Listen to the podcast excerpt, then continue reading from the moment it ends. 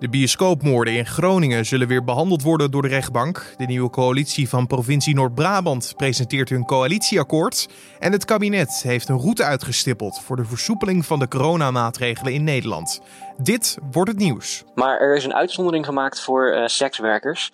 Uh, die moeten nog uh, wachten voordat ze aan de slag kunnen misschien ook wel logisch, aangezien dat een, dat een beroep is waarbij nou, toch wel behoorlijk intensief contact is met klanten. Um, maar voor de rest uh, zijn alle contactberoepen vanaf maandag uh, weer open, inderdaad. Dat betekent dat je naar de kapper kan, de masseur zijn werk kan oppakken en je misschien toch nog voor de zomervakantie je rijbewijs kan halen. Om maar wat te noemen. Straks nemen we de hele route van het kabinet door met verslaggever Job van der Plicht. Maar eerst kijken we kort naar het belangrijkste nieuws van nu. Mijn naam is Carne van der Brink en het is vandaag donderdag 7 mei. Partijvoorzitter Geert Dales van 50PLUS wil aangifte voor smaad en laster doen tegen Corrie van Brenk, de huidige fractievoorzitter van de partij de Tweede Kamer. Dat maakte Dales bekend aan de redactie van het programma Op 1 tijdens de uitzending waar Van Brenk te gast was. Van Brenk beschuldigt Dales van het plunderen van de partijkas, omdat het partijbestuur duizenden euro's aan advocatenkosten met geld van de partij zou hebben bekostigd. Dales eist nu excuses voor deze uitspraak. De partijvoorzitter geeft Van Brenk tot donderdag 12 uur de tijd om op haar uitspraak terug te komen. Maar Van Brenk zegt dit niet te willen doen. De Israëlische premier Netanyahu mag ondanks de corruptiezaak tegen hem toch een regering vormen. Het Hof meent dat Netanyahu als onschuldig moet worden behandeld tot zijn schuld bewezen is.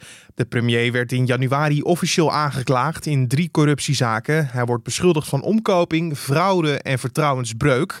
Tot nu toe ontkent Netanyahu iets verkeerd gedaan te hebben. De Poolse coalitie heeft ingestemd met uitstel van de presidentsverkiezingen. Die stonden oorspronkelijk gepland voor komende zondag. De afgelopen tijd werd de roep om uitstel echter luider, dit vanwege de coronacrisis. Een nieuwe datum is nog niet bekend. Volgens regeringspartij PiS kon de verkiezingen volgens de grondwet tot uiterlijk 23 mei uitgesteld worden. De huidige regering wil de verkiezingen laten doorgaan door burgers via de post te laten stemmen. Dat plan werd eerder bekritiseerd door de oppositiepartijen en oud-leiders.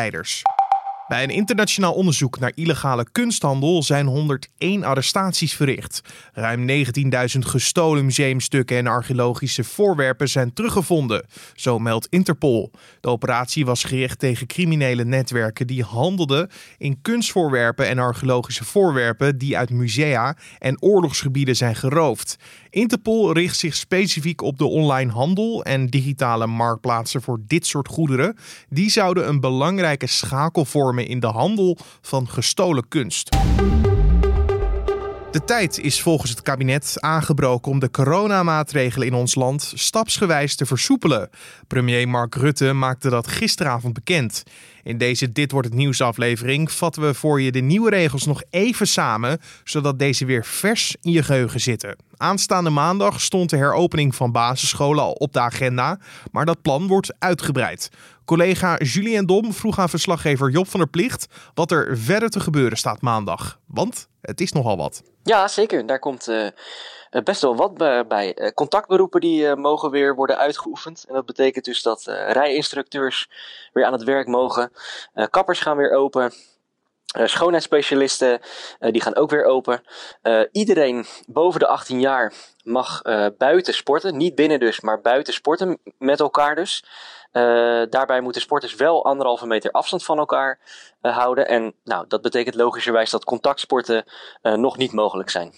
Nee, precies. Maar buiten lekker hardlopen, dat moet helemaal fijn en goed kunnen.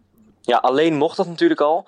Uh, maar nu als groep mag dat ook. Als er maar anderhalve meter afstand uh, van elkaar uh, wordt gehouden. Die contactberoepen, hè, Job. Ik ben zelf persoonlijk heel erg blij met dat de kapper weer open gaat. Maar ja, er zitten wel wat haken en ogen aan. Zo komt de kapper bijvoorbeeld, als je dan aanklopt, met een vragenlijstje, zou je kunnen zeggen. Uw kapper gaat dan bijvoorbeeld vragen of u op dat moment klachten hebt. Die check aan de voorkant neemt veel risico's weg. En het dragen van mondkapjes is dan niet nodig. Ja, en dat is zelfs al eerder dan, uh, dan wanneer je aanklopt bij de kapper. Um, kappers die, uh, je moet eerst een, een telefonische afspraak maken met de kapper. En bij, die, bij het maken van die afspraak wordt gevraagd of je klachten hebt die aan corona gerelateerd zouden kunnen zijn. Als dat het geval is, dus als je die klachten hebt, dan ben je hard gezegd niet welkom. En Job, dat geldt dus niet alleen voor kappers, maar alle contactberoepen, hè? Ja, bijna alle contactberoepen. Uh, je moet denken aan inderdaad aan kappers dus, schoonheidsspecialisten, pedicures, uh, rijinstructeurs voor, zover dat een, een contactberoep is, uh, masseurs. Maar er is een uitzondering gemaakt voor sekswerkers. die moeten nog wachten voordat ze aan de slag kunnen. Misschien ook wel logisch, aangezien dat een, dat een beroep is waarbij nou, toch wel behoorlijk intensief contact is met klanten. Um, maar voor de rest uh, zijn alle contactberoepen vanaf maandag uh, weer open, inderdaad. Het is natuurlijk cruciaal dat mensen die check vooraf wel heel serieus nemen. Maar dat vertrouwen mogen we na de laatste twee maanden met elkaar wel hebben. Dan, uh, ja, Rutte die heeft echt een routekaart uitgestippeld als het ware. Dat deed hij gisteravond. en de volgende stap is 1 juni. Wat gebeurt er dan? Ja, op 1 juni um, wordt mogelijk het voortgezet onderwijs uh, geopend. Hoe is nog even de vraag. Daar wordt aan gewerkt. En dat zou dan ook niet op 1 juni zijn, want dat is Tweede Pinksterdag. Dus dat zou dan dinsdag 2 juni zijn. Verder uh, worden terrassen die mogen weer uh, geopend worden. Waarbij het wel gaat om terrassen met alleen zitplaatsen. Dus klanten mogen alleen zitten. En um, moeten daarbij ook anderhalve meter afstand van elkaar houden. Dan moet je dus denken, niet staand voor de kroeg met een glas bier in je hand om een staattafel. Nee, het moet om, om zitplaatsen gaan inderdaad. Uh, andere horecazaken, uh, waarbij er uh, binnen kan worden gezeten. Dus denk aan restaurants en cafés. Die gaan ook weer open, maar wel onder iets strengere voorwaarden dan terrassen. Daar geldt een maximum van 30 personen. En daar wordt het personeel ook bij gerekend. Nou, ook daarvoor geldt, er moet anderhalve meter afstand worden gehouden tussen alle personen. En bezoekers moeten vooraf een plek reserveren, zodat nou, de, de horecazaken goed inzicht hebben wie, wie er komt en wat de bezetting is. Ja, dat je ook geen te grote toeloop krijgt uh, op het moment zelf dat het s'avonds is en dat er een hele rij voor je deur staat natuurlijk. Juist, precies. Dat is niet de bedoeling. Uh, net als bij kappers wordt er vooraf uh, bij horecazaken uh, tussen de ondernemer en een, uh, en een klant, een bezoeker, wordt er gevraagd naar eventuele klachten. En of dus een, een bezoek van, um, uh, van een klant een risico oplevert voor uh, de andere personen die, um, die de zaak bezoeken. Uh, en naast horecazaken gaan ook bioscopen, musea en theaters weer voorzichtig open. Ook daarvoor geldt vooraf reserveren en maximaal 30 personen inclusief personeel. Je bent mogelijk een risico als je iets hebt, maar ja, in het openbaar vervoer daar kan je moeilijk reserveren voor een plekje. Sowieso afstand houden is ook wat lastiger. Maar vanaf 1 juni gaat die reguliere dienstregeling ook weer gewoon op groen. Ja, klopt. En het kabinet ziet ook in dat afstand houden binnen het openbaar vervoer toch wel lastig is. Het is natuurlijk wel wenselijk, maar het uitvoeren daarvan is niet altijd haalbaar. En als de bussen en treinen straks weer voller raken, zal anderhalve meter afstand niet langer altijd haalbaar zijn. Op stations, perrons en bij blijft anderhalve meter afstand de norm. Maar in de trein, bus, tram en metro is dat niet realistisch. Vandaar dat we per 1 juni als regel hanteren dat iedereen in het OV een mondkapje draagt. Doe je dat niet, dan uh, kan je een boete krijgen. Hoe hoog die boete is, dat is nog niet bekend. Daar wordt nog aan gewerkt. En uh, dat mondkapje uh, mag ook geen mondkapje zijn wat in de zorg nodig is. Want, nou goed, daar is natuurlijk lange tijd een gebrek aan geweest, schaarste in geweest. Ehm, dat gebrek is nu redelijk opgelost, maar nog altijd is er geen enorme overvloed van. Dus dat moet eh, geen medisch mondkapje zijn. En als reiziger in het OV moet je dat mondkapje ook zelf aanschaffen of maken. En die mondkapjes, Job, daar was veel om te doen. Hè? Want aanvankelijk uh, ja, werd er gezegd dat ze niet zoveel uit zouden maken. Waarom dan nu toch verplicht? Nou, daarover uh, zei Rutte gisteren dat het wetenschappelijk bewijs uh, dat mondkapjes daadwerkelijk nut hebben erg dun is. Maar um, dus dat het normaal gesproken uh, in de normale situatie niet wordt aangeraden. Uh, gewoon op straat of in de supermarkt of zo. Maar op het moment dat dus die anderhalve meter lastig te handhaven is, zoals in het OV, dan zouden ze wel enig nut hebben.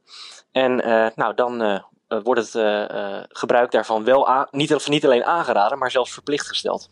En dan zijn we nog niet klaar met juni, want in juni worden er ook meer tests opgeleverd. Oftewel, ja, tests voor iedereen zou je bijna zeggen. In juni, en we streven naar 1 juni, kan iedereen in ons land met klachten worden getest. Ja, je ziet natuurlijk al dat de groep die getest kan worden op het coronavirus steeds meer wordt uitgebreid. inmiddels is het zo dat ouderen en mensen met onderliggende ziektes, zorgpersoneel, jeugdtrainers, dat die allemaal getest kunnen worden op het coronavirus. daar komen snel leraren en medewerkers van de kinderopvang bij. En vanaf 11 mei uh, komen daar dus ook contactberoepen bij, uh, kappers. 18 mei volgen mantelzorgers, personeel in het openbaar vervoer. En uh, nou, denk aan politie en marechaussee. En als het goed is, in juni, maar Hugo de Jonge heeft gister, gisteravond gesteld dat het, dat het doel 1 juni is. dat, dan zou iedereen die klachten heeft, die zouden kunnen duiden op het coronavirus, dat, die zou dan getest kunnen worden. Het verhaal eindigde daar niet. Het ging verder, want de datum van 1 juli en 1 september werd ook nog eventjes genoemd. Allemaal onder voorbehoud, net zoals waar we het nu over hebben gehad. Maar als we eventjes naar die lange termijn kijken, Job, uh, wat staat er dan te gebeuren? Ja, op 1 juli uh, gaan in vakantieparken de gemeenschappelijke uh, toilet- en doucheruimtes die gaan open. Die zijn nu nog gesloten, maar die gaan vanaf 1 juli weer open. Als dus inderdaad alles loopt volgens plan. Um, waarom dat is, heeft uh, de minister-president gisteren niet gezegd. Maar ja, het lijkt het er wel op te duiden dat het is uh, vanwege de zomervakantie. Het uh, lijkt niet aannemelijk dat we die zomervakantie in het buitenland kunnen vieren. Dus moeten we dat met z'n allen in eigen land doen. En dus op, op onze eigen vakantieparken waar toilet- en doucheruimte dan dus wel wenselijk zijn. En daarnaast wordt het maximum van 30 personen dat in bioscopen, restaurants en cafés mag zijn, wordt verhoogd dan naar 100.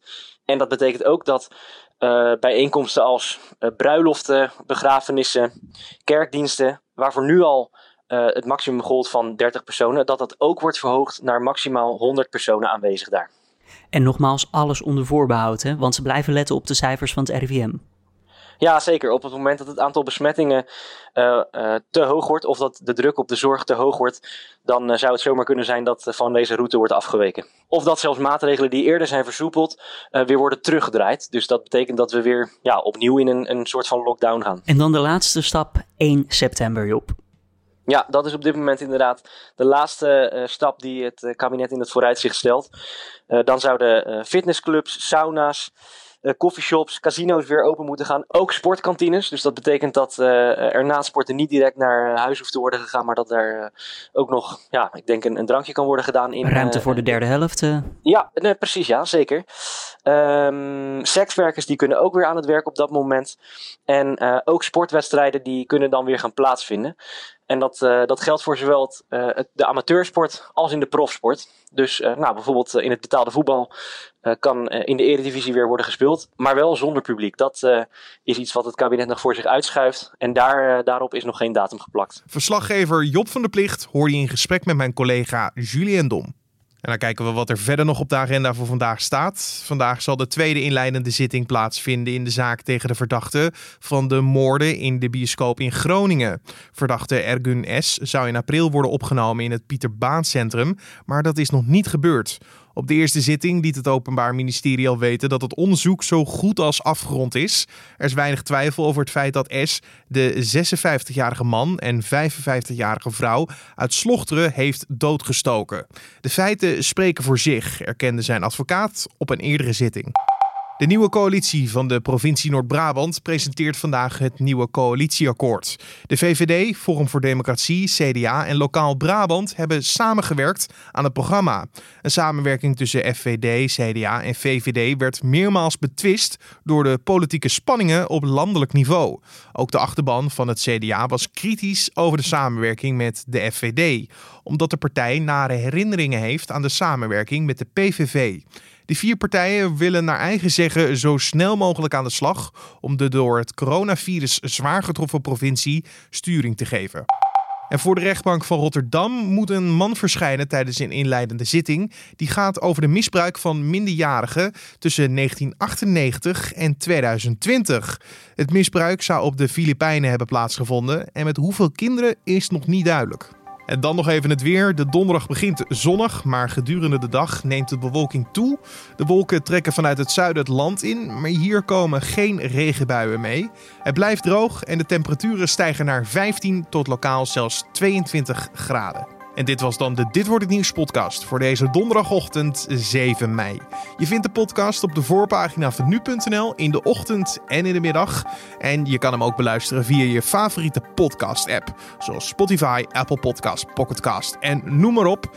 Maar wat fijn is aan de podcast apps is dat je gratis kan abonneren. Zo krijg je een pushmelding dat er een nieuwe aflevering voor je klaar staat en het kost helemaal niks. Dus doe dat vooral zou ik zeggen.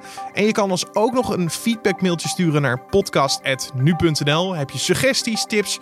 Uh, misschien uh, heb je wel een uh, leuk verhaal die je met ons wilt delen over de podcast of over podcast aan zich. Laat het ons weten via podcast.nu.nl. Mijn naam is Carne van der Brink. Ik wens je een hele mooie donderdag. Maak er wat van, dan doen we dat ook. En wij spreken elkaar weer op een later moment. Tot dan.